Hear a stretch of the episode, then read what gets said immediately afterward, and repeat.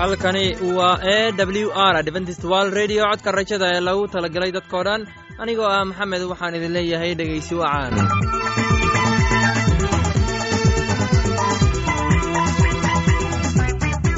barnaamijyadeena maanta waa laba qaybood qaybta koowaad waxaad ku maqli doontaan barnaamijka caafimaadka. Uu inoo soo jeedin doono shiina. Kadib waxaa inoo raacaya cashar inaga imanaya bugga nolosha. Uu inoo soo jeedinaya sulayman labadaasii barnaamij ee xiisaha leh waxa ay inoo dheeraysa daabacsan. Oo aynu idiin soo xulnay kuwaas aynu filayno inaad ka heli doontaan. Dhegeystayaasheenna qiimaha iyo khadradda lehow waxaynu kaa codsanaynaa inaad barnaamijkeenna si aboon u dhegeysataan. Haddii aad wax su'aalaha qabto ama aad haysid wax talo ama tusaale fadlan inala soo xiriir dib ayaynu kaga sheegi doonaa ciwaankeenna. Bal intaynan u guudagalin barnaamijyadeena xiisaha leh waxaad marka hore ku soo dhowaataan heestan daabacsan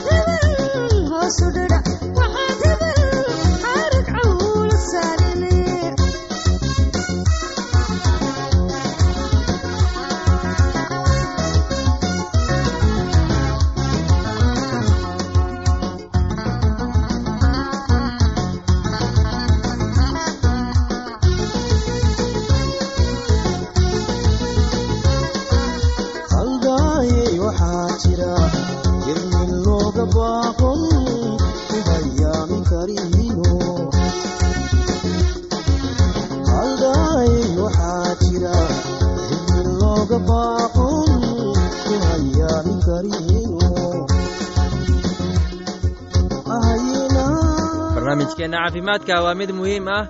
Waxaan rajaynayaa inaad ka faa'iidaysan doontaan barnaamijkaasi. Barnaamijku wuxuu ka hadli doonaa isticmaalka daawooyinka when israelis migrated from egypt goortii reer binu israa'iil masar ka soo baxeen. Markii reer binu israa'iil masar ka soo baxeen dabadeed bishii saddexaad ayay isla maalintaas yimaadeen cidlada sinai la yidhaahdo oo markay ka soo kaceen refidiim oo ay yimaadeen cidladii sinai ayay teendhooyinkoodii cidlada ka dhisteen oo reer binu israa'iil halkaas ayay degeen buurta horteeda.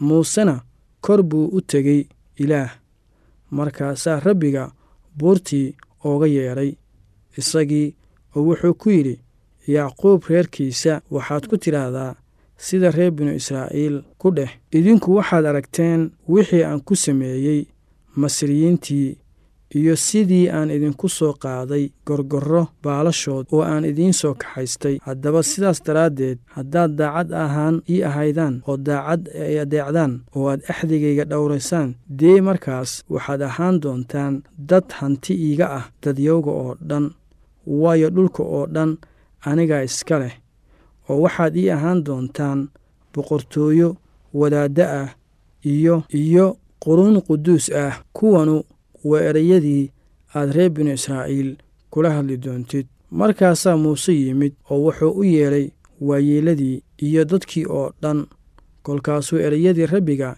isaga ku amray hortooda waana uu wada qoray oo wada dhigay. Markaasaa dadkii oo dhammu waxay ku wada jawaabeen oo ku yidhaahdeen kulli waxa rabbiga kugula hadlay oo dhan waannu wada yeeli doonnaa. Markaasaa muuse rabbiga ugu warramay erayadii dadka dhegaystayaal barnaamijkeennii maanta waan idiin soo jeedinaya anigoo geela ah xaggayga intaas. Waa dt com. Haddana waxaad mar kale ku soo dhowaataan heestan daabacsan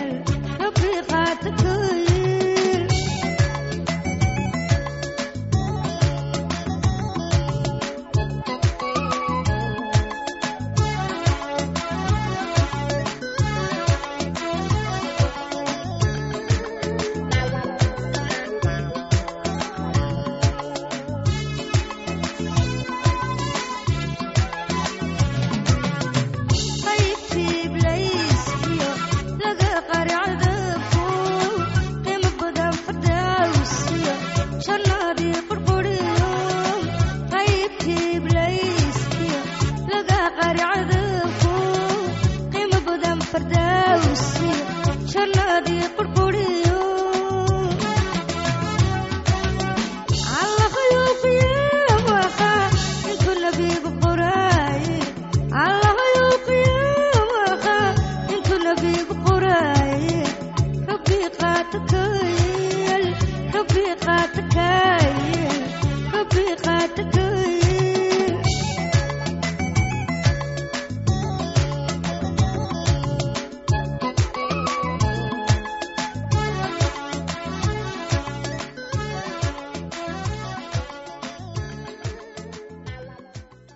jesus conker jerusalem. Ciise guul buu ku galay yeruusaalem goortay yeruusaalem ku soo dhowaadeen oo ay beytafaaga galeen ilaa buur saytuun. Markaasaa ciise laba xer ah diray oo wuxuu ku yidhi tuulada idinka soo horjeedda taga oo kolkiiba waxaad ka helaysaan dameer xidhan iyo qayl la jooga buugga matayos cutubka kow labaatan aayadda saddex ilaa kow toban. Soo fura oo ii keena oo haddii nin wax idinku yidhaahdo waxaad ku tidhaahdaan sayidka ayaa u baahan oo kolkiiba wuu soo diri doonaa.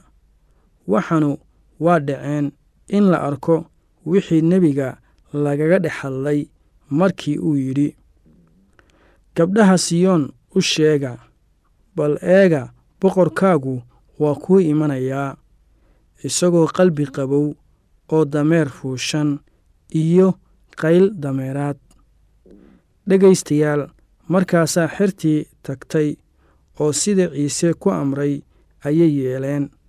Dameertii iyo qaylkii ayay keeneen oo dharkoodiibay dusha ka saareen wuuna ku fadhiistay. Dadka badidooda ayaa dharkoodii jidka ku gogleen. Dadkii badnaa oo hor socday iyo kuwii daba socdayba waxay ku qayliyeen xosaana ha u jirto ina daa'uud.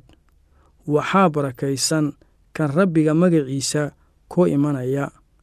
Xosaana ha u jirto meelaha ugu sarreeya oo goortuu yeruusaalem galay magaalada oo dhan way kacsanayd iyagoo leh kaniyuu yahay. Dadkii badnaa ayaa yidhi kanu waa nebiga ciise la yidhaahdo oo ka yimid naasareed tii galiile. Dhegaystayaal barnaamijkeennii maanta waa naga intaas. Tan iyo kulantideenna dambe anigoo ah geele waxaan idin leeyahay sidaas iyo nabadgelyo. Haddana waxaad mar kale ku soo dhowaataan heestan daabacsan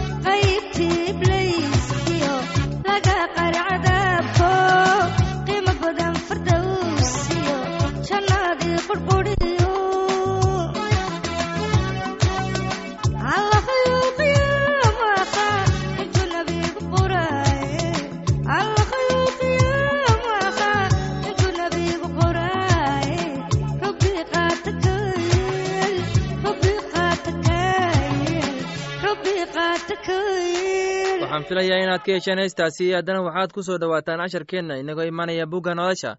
Casharkeenna wuxuu ku saabsan yahay gabaygii daa'uud uu tiriyey waxaana inoo soo jeedinayaa sulaymaan ee dhegeysi wacan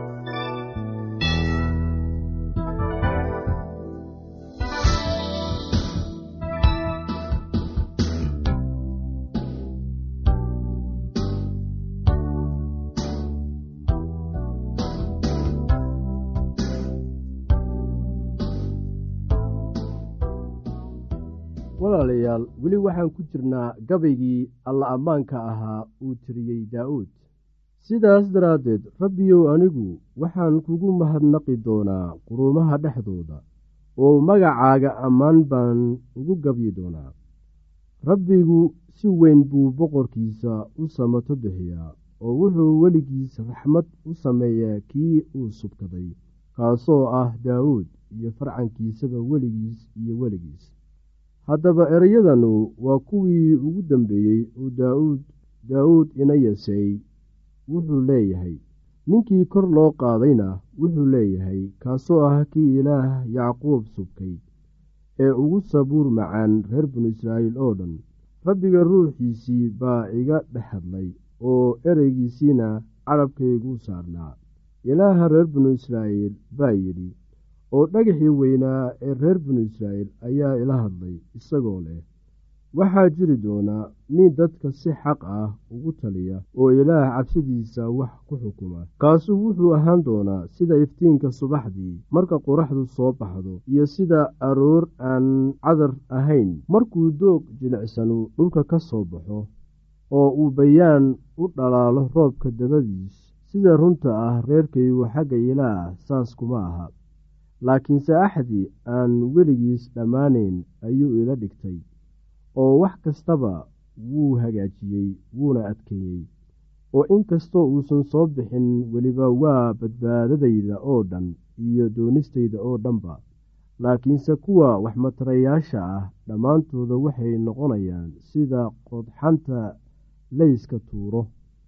Waayo iyaga gacanta laguma qaadi karo laakiinse ninkii iyaga taabta waa in hub looga dhigaa bir iyo waran samaydiisa oo iyana dhammaantood meeshooda lagu gubi doonaa. Kuwanu waa magacyadii nimankii xoogga badnaa oo daawuud haystay iyo shebashebed oo ahaa reer texkomon oo saraakiisha madaxa u ahaa kaasoo ahaa cadiino kii reer cesen oo warankiisa u qaaday siddeedda boqol oo isku mar qura dilay oo kaas dabadiisna waxaa jiray elecaasaar inadooday oo ahaa reer axo axax kaasu wuxuu ahaa saddexdii nin oo daa'uud la jirtay midkood. Markay caayeen reer falastiin oo halkaas isugu urursaday inay la diriraan oo ay dadkii reer binu israa'iilna mar hore sii tageen wuu kacay oo laayay reer falastiin ilaa ay gacantii daashay oo gacantii seeftii ku dhegtay oo rabbiguna maalintaas aad buu u guuleeyey markaasaa dadkiina u soo noqdeen inay wax dhacaan oo keliya oo isaga dabadiisna waxaa jiray shaamaah oo ahaa ina-age oo qoladiisuna ahayd reer xaraari oo reer falastiina waxay isu soo wada uursadeen inay soo dhacaan. Meel misir ka buuxo oo dadkiina waxay ka carareen reer falastiin. Laakiinse isagu beertuu isdhex taagay oo daafacay wuuna laayay reer falastiin oo rabbiguna aad buu u guuleeyey oo soddonkii madaxda ahaa saddex ka mid ah ayaa tegey oo daawuud ugu yimid godkii cadulaam xilligii beergoyska oo colkii reer falastiina waxay soo degeen dooxadii refaayim oo markaas daawuud wuxuu ku jiray dhufayska oo ciidankii reer falastiin xeradooduna waxay ahayd baytlaxam oo daawuud intuu biyo u xiisooday ayuu yidhi waxaan jeclaan lahaa in biyo layga siiyo ceylka baytlaxam ee iridda ku ag yaal.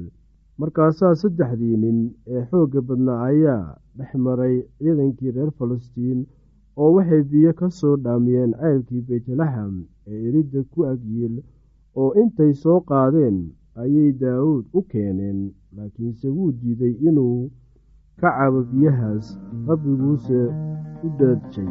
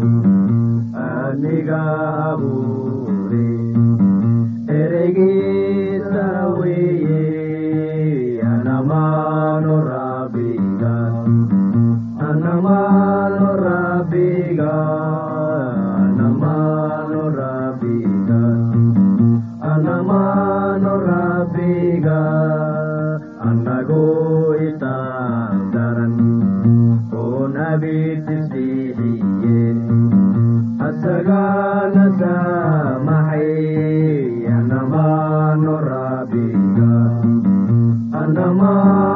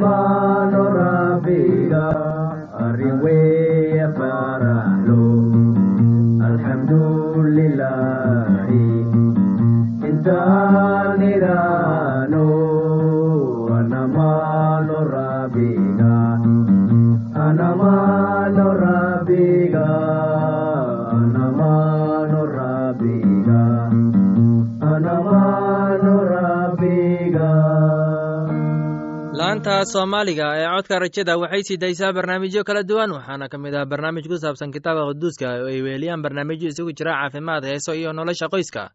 Casharkaasi inaga yimid bugga nolosha ayaynu ku soo gogobeyneynaa barnaamijyadeena maanta. Halkaad inagala socoteen waa laanta afka soomaaliga ee codka rajada ee loogu talagalay dadkao dhan. Haddaba haddii aad doonayso inaad wax ka korsato bugga nolosha ama aad doonayso inaad wax ka barato caafimaadka ama nolosha qoyska fadlan inala soo xiriir ciwaankeenna. Waa codka rajada sanduuqa boostada afar laba laba todoba lix nairobi kenya. Mar labaad ciwaankeenna waa codka rajada sanduuqa boostada afar laba laba todoba lix nairobi kenya. Waxaa kaloo inagala soo xiriiri kartaan emeilka somali e w r at yahu dt mar labaad emeilka waa somali e w r at yahu dt com. Dhegeystayaal waxaan idin ogeysinaynaa barnaamijyo kale oo kuwan la mid ah. Waxaad ka heli kartaa barta internetka www e w r o r g intaan mar kale hawada dib u kulmayno anigoo ah maxamed waxaan idin leeyahay sidaas iyo nabadgelyo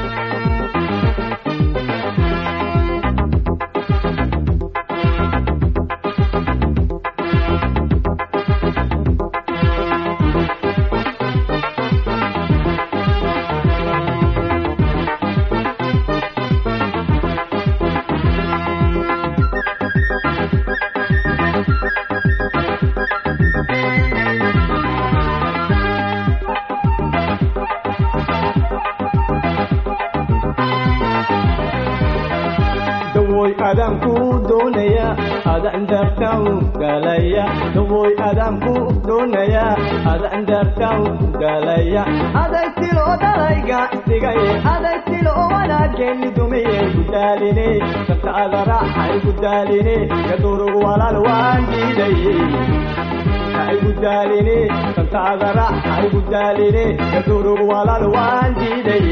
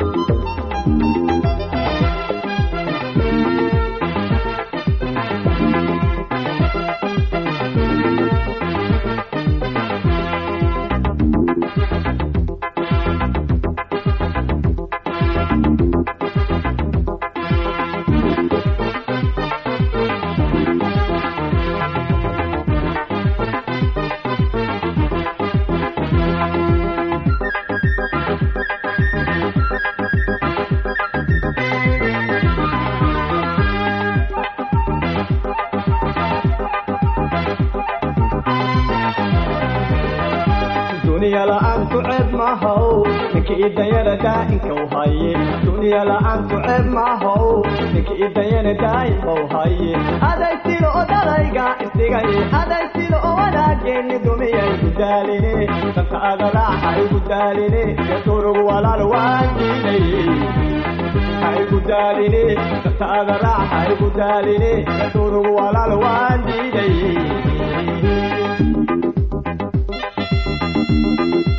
dawayadaan